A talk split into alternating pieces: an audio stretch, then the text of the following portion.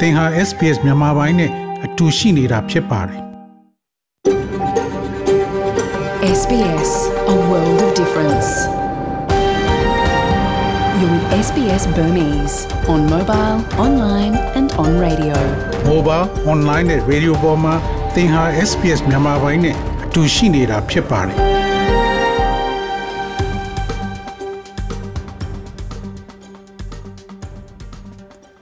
တော်ရရှင်များချစ်တဲ့မင်္ဂလာဖျားဖျားနဲ့ပြည့်စုံတော်မူကြပါစားခင်ဗျာဒီနေ့ February 19ရက်စနေနေ့မြန်မာပိုင်းစီစဉ်များကို SPS Radio မှစတင်အသံလွှင့်နေပါတယ်ခင်ဗျာဒီနေ့စီစဉ်များကိုကျွန်တော်ကျော်ထွန်းအောင်ခေါ် Terror အောင်ကတင်ဆက်သွားမှာဖြစ်ပြီးယနေ့ပါဝင်မိအစီအစဉ်များမှာတော့အခြေချနေထိုင်ခြင်းလမ်းညွန်ကဩစတြေးလျတွင်ကြီးပြင်းလာစဉ်တင့်ကလေးအားအမွေနှစ်ဘာသာစကားနဲ့ ယဉ်ကျေးမှုကိုထိမ့်သိမ့်ကူညီပေးခြင်းဆိုတဲ့ဆောင်းပါးဒေါက်တာမြင့်ထွန်းက Omicron ဆိုတာဘာလဲဘယ်လိုကာကွယ်နိုင်လဲစသည်တို့ကို ရှင်းပြထားတာကိုတင်ဆက်ပေးမှာဖြစ်သလိုကူးစက်မှုနှုန်းမြင့်လာတဲ့မြန်မာနိုင်ငံတွင် Omicron လှိုင်းဆိုတဲ့ဆောင်းပါးကိုတော့တန်လွင်ခက်ကပေးပို့ထားတာကို နားဆင်ရမှာဖြစ်ပါတယ်။ဒီနေ့ကောင်းကြီးပိုင်းသတင်းတွေကတော့ဒါဝင်ဘုံကျဲမှု280ပြည့်နှစ်ပတ်လည်ခန်းနာကို Top End မှာကျင်းပ ကိုဗစ်ရောဂါကူးစက်မှုတိုးမြင့်လာတဲ့အပေါ်မြန်မာကျန်းမာရေးအာဏာပိုင်တွေကသတိပေးယူကရိန်းကိုတိုက်ဖို့ရုရှားသမ္မတဆုံးဖြတ်ထားပြီဟုဆို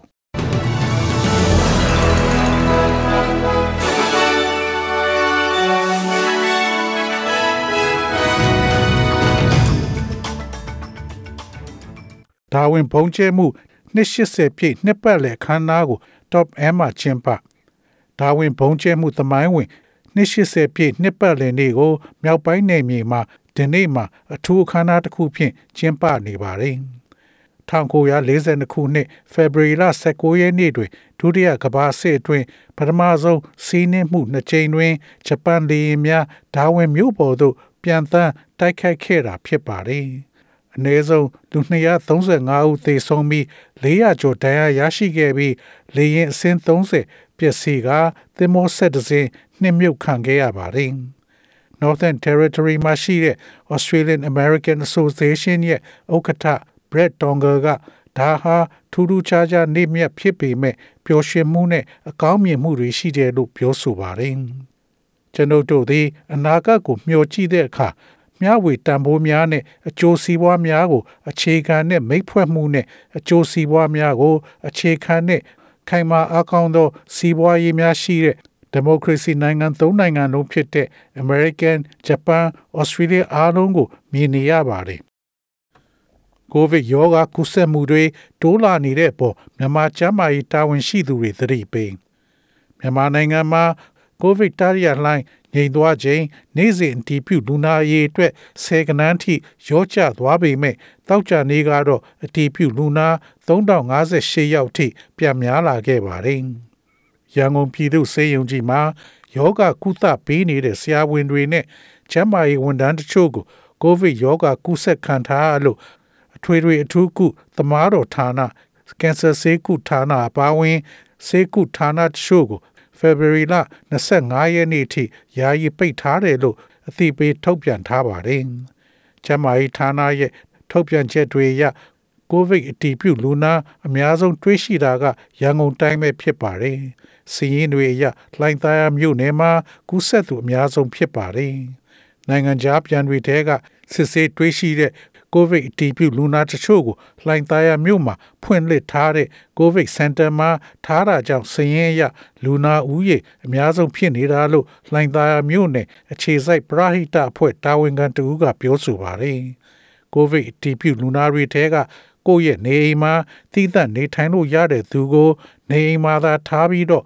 နေရခက်ခဲရှိသူတွေဆိုမြို့နယ်ကသာသနာဗိမာန်မှာတည်ကြထားတယ်လို့သိရပါတယ်။ ကိုဗစ်ရောဂါလက္ခဏာခံစားရတဲ့လူနာဆိုရင်တော့မြို့နယ်ပြည်သူ့ဆေးရုံမှာထားတယ်လို့ဆိုပါတယ်။ကိုဗစ်အတည်ပြုလူနာကိုယောဂလက္ခဏာမရှိသူတွေနဲ့သာမန်ဒါမှမဟုတ်အသင့်တဲ့ယောဂရှိတဲ့လူနာတွေပါဝင်ဘင်းထန်တဲ့ယောဂလက္ခဏာရှိတဲ့လူနာဆိုပြီးကျန်းမာရေးဌာနကအဆင့်ခွဲသတ်မှတ်ထားပါတယ်။မြန်မာနိုင်ငံမှာကူးစက်မြန် Omicron COVID ကူးစက်နေသူတွေလည်း300ကျော်ရှိနေပါတယ်။ အားလုံးနီးပါးကနိုင်ငံခြားကပြန်လာသူတွေများတဲ့ဆိုပေမဲ့အများပြည်သူကြား Omicron ကူးစက်မှုကိုတတိထားကာကွယ်သင့်တယ်လို့ကျန်းမာရေးတာဝန်ရှိသူတွေကတတိပေးနေပါတယ်။ယူကရိန်းတိုက်ဖို့ရုရှားသမ္မတဆုံးဖြတ်ထားပြီလို့ယုံကြည်ကြောင်းသမ္မတဘိုင်ဒန်ပြော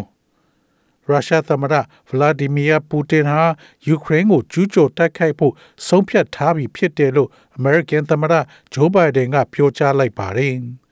သူကယူကရိန်းတိုက်ဖို့ဆုံးဖြတ်ထားတယ်လို့သူ့အနေနဲ့ယုံကြည်ကြောင်းအမေရိကန်သမ္မတအိမ်ဖြူတော်မှာတောက်ကြနေကသမ္မတဘိုင်ဒန်ကပြောဆိုလိုက်ပါတယ်။စနေနေ့မှာရုရှားသမ္မတကိုရိုင်းကြီးကြပ်မဲ့မဟာဗျူဟာမြောက်နျူကလ িয়ার တပ်ဖွဲ့တွေရဲ့လေ့ကျင့်ရေးအစီအစဉ်တွေစတင်မဲ့အကြောင်းရုရှားစစ်တပ်ကလည်းတောက်ကြနေမှာပဲကြေညာထားပါတယ်။သမ္မတဘိုင်ဒန်ကတော့ ရုရှားသမ္မတဟာနျူကလ িয়ার လက်နက်တွေကိုသုံးဖို့အလေးနဲ့သဘောထားလိမ့်မယ်လို့မထင်ကြောင်းပြောဆိုပါတယ်။ယူကရိန်းအရှေ့ပိုင်းက Donbas ဒေသကမူလာရန်ကျောင်းလေးမှာပြစ်ခတ်မှုဖြစ်ပွားတာဟာရုရှားထောက်ခံပံ့ပိုးနေတဲ့တိုက်ခိုက်ရေးသမားတွေလှုပ်ဆောင်တာလို့သမ္မတဘိုင်ဒန်ကပြောပေမဲ့ရုရှားကတော့ဒါဟာယူကရိန်းဘက်ကလှုပ်ဆောင်တာလို့တုံ့ပြန်ပါတယ်။ Donbas ဒေသမှာလူမျိုးတုံးသတ်ဖြတ်မှုတွေကျူးလွန်နေတဲ့ဆိုတဲ့ပြောဆိုမှုတွေရုရှားကိုယူကရိန်းကတိုက်ခိုက်တဲ့ဆိုတာတွေအပါအဝင်ရုရှားကမှန်မှန်သတင်းတွေဖြန့်ချီဖို့ကြိုးစားတာရှိနေတယ်လို့ဆိုပါတယ်။ယူကရိန်းကိုဝင်ကျူးကျော်ဖို့အတွက်ရုရှားဟာသူလှုပ်ဆောင်နေကြအခုလိုအလုပ်မျိုးတွေပုံမှန်လုပ်လို့ရှိတယ်လို့လည်းသမ္မတဘိုင်ဒန်ကပြောဆိုပါတယ်။ရုရှားအနေနဲ့ ဒီလိုမှန်မှန်မကန်အကြောင်းပြချက်တွေသုံးနိုင်မယ်ဆိုတာအမေရိကန်အစိုးရကသတင်းပတ်နဲ့ချီသတိပေးထားပြီးဖြစ်ကြောင်းလည်းသမ္မတဘိုင်ဒန်ကပြောဆိုပါတယ်။ဒါပေမဲ့ရုရှားအနေနဲ့စစ်ရေးအချိန်လျှော့ချပြီးတန်တမန်ရေးနီလန်းနဲ့ဖြည့်ရှင်းနိုင်ဖို့ဖြစ်နိုင်ခြေရှိနေစေဖြစ်ကြောင်းလည်းပြောဆိုထားပါတယ်။ New South Wales COVID virus အခြေအနေ New South Wales ရှိကျန်းမာရေးအာဏာပိုင်များသည် ယနေ့စနေနေ့တွင်ကိုရိုနာဗိုင်းရပ်စ်ကူးစက်မှုအသစ်9615ဦးနဲ့သေဆုံးသူ12ဦးထပ်မံတွေ့ရှိတယ်လို့ကြေညာပါတယ်။ New South Wales ဝန်ကြီးချုပ် Dominic Perrottet ကတောက်ကြနေ့တွင်ကန့်သက်ချက်များကိုဖြေလျှော့ကြောင်းကြေညာခဲ့ပြီးအချိန်မှာပဲ COVID-19 လူနာ1200ကျော်ဆေးရုံတွင်ကျန်ရှိနေပါတယ်။ night club များနဲ့ဂီတပွဲတော်ကြီးများတွင်သာ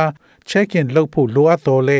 ချိန်ညှိမှုများအများစုတွင်မျက်နှာဖုံးဝစ်စင်ရန်လိုအပ်ချက်ကို လာမယ့်တောက်ချာနေ့တွင်ရှော့ချသွားမှာဖြစ်ပါတယ်။သို့သော New South Wales ကျန်းမာရေးမှဒေါက်တာဂျွန်ဟောလ်သည်ကန့်သက်ချက်များသက်သာလာသည်နှင့်မျှမျက်နှာဖုံးများသည်နောက်ထပ်တစ်ပတ်ထိဆက်ရှိနေအောင်မည်ဖြစ်ကြောင်းပြည်내သားများကိုသတိပေးထားပါတယ်။ဖေဖော်ဝါရီလ25ရက်တောက်ကြနေ့မှစတင်လို့လူပေါင်း1000ကျော်ရှိသော အများသူငါသွာလာရေးလေရင်များလေစိတ်ဆေးရုံများတက်ကြီးရွယ်အိုများနှင့်မတန်ဆွမ်းမှုစောင့်ရှောက်ရေးဂေဟာများပြုပြင်ခြင်းဆိုင်ရာအဆောက်အုံများနှင့်လူပေါင်းတထောင်ကျော်ရှိသော မိုးလုံလေလုံဂီတပွဲတော်များမှာမျက်နှာဖုံးများကိုသာတခိုင်းစီမှာဖြစ်ပါသည် NLD နာယကဦးတင်ဦးကိုဗစ်ကြောင့်ဆေးရုံတက်နေရပေမဲ့သက်သာလာဟုဆိုအမျိုးသားဒီမိုကရေစီအဖွဲ့ချုပ်ပါတီ NLD ပူးတွဲထူထောင်သူနာယကကြီးဦးတင်ဦးကိုကိုဗစ်နဲ့ရန်ကုန်ဆေးရုံကြီးရောက်နေပေမဲ့သက်သာလာတယ်လို့ဇနီးဖြစ်သူကပြောဆိုပါတယ်။အသက်64နှစ်အရွယ်လေးဖြတ်ထားတဲ့ကာကွယ်ရေးဦးစီးချုပ်ဟောင်းဦးတင်ဦးဟာအဖျားရှိပေမဲ့ကိုဗစ်စစ်ရလာက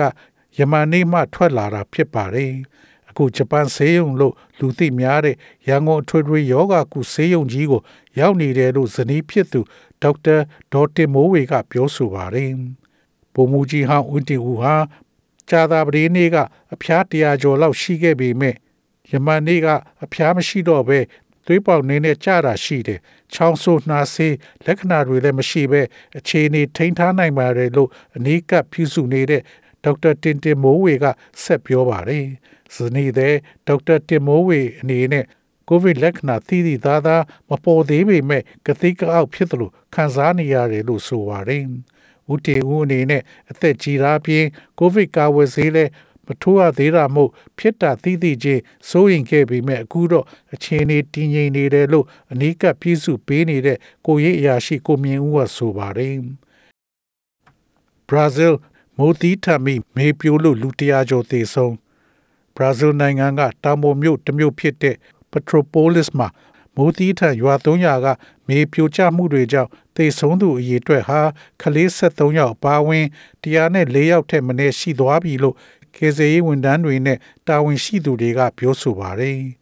Rio de Janeiro မြို့မြောက်ဖက်မိုင်400ကျော်အကွာမှာရှိတဲ့မြို့မှာအင်္ဂါနေ့ကမိုးကြီးကျယ်ရွာသွန်းရာမှာလမ်းတွေပေါ်ရေတွေဖုံးလွှမ်းခဲ့ပြီးတချို့နေရာတွေမှာ6နာရီအတွင်းမိုးရေချိန် ဆယ်လက်မလောက်ထိရှိခဲ့တာကြောင့်ဖေဗရီလတလလုံးရွာသွန်းမဲ့မိုးရေချိန်ခံမှန်းချက်ထက်တောင်ကျော်လွန်ခဲ့ကြောင်းဒေသခံမိုးလေဝသဌာနကပြောဆိုပါတယ်။မိုးတီထမှုတွေကြောင့်တောင်ဆောင်အရက်ကနေအိမ်တွေပျက်စီးခဲ့ပြီးကားတွေလည်းမျောပါကုန်ကြပါတယ်။နေအိမ်80လောက်ပျက်စီးခဲ့တယ်လို့တာဝန်ရှိသူတွေကခန့်မှန်းထားပါတယ်။အနည်းဆုံးလူပေါင်း35ယောက်ပျောက်ဆုံးနေဆဲဖြစ်တာကြောင့် ဒေသခံတွေနဲ့အတူအရေးပေါ်ကယ်ဆယ်ရေးဝန်ထမ်း900လောက်ဟာရှာဖွေကယ်ဆယ်ရေးလုပ်ငန်းတွေကိုကြာသာပတေးနေ့ထိဆက်လက်လုပ်နေခဲ့ကြပါတယ်။ SBS SBS SBS SBS SBS This is SBS Radio.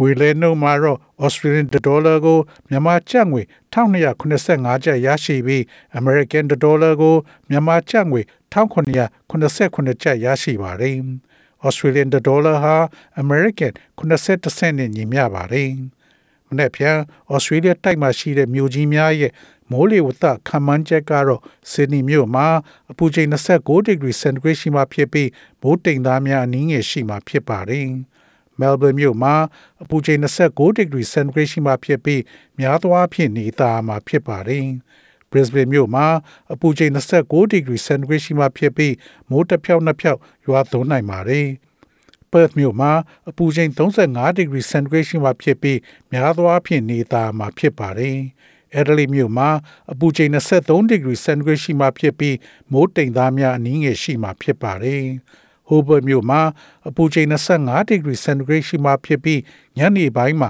မိုးရွာသွန်းနိုင်ပါတယ်။ Canberra မြို့မှာအပူချိန်29ဒီဂရီစင်တီဂရိတ်ရှိမှဖြစ်ပြီးမုန်တိုင်းကြားရောက်နိုင်ပါတယ်။ Darwin မြို့မှာအပူချိန်33ဒီဂရီစင်တီဂရိတ်ရှိမှဖြစ်ပြီးမိုးတစ်ဖြောက်နှစ်ဖြောက်ရွာသွန်းနိုင်ပါတယ်။ဤတွင်သတင်းများကိုကြီးညာလို့ပြီးပါပြီခင်ဗျာ။။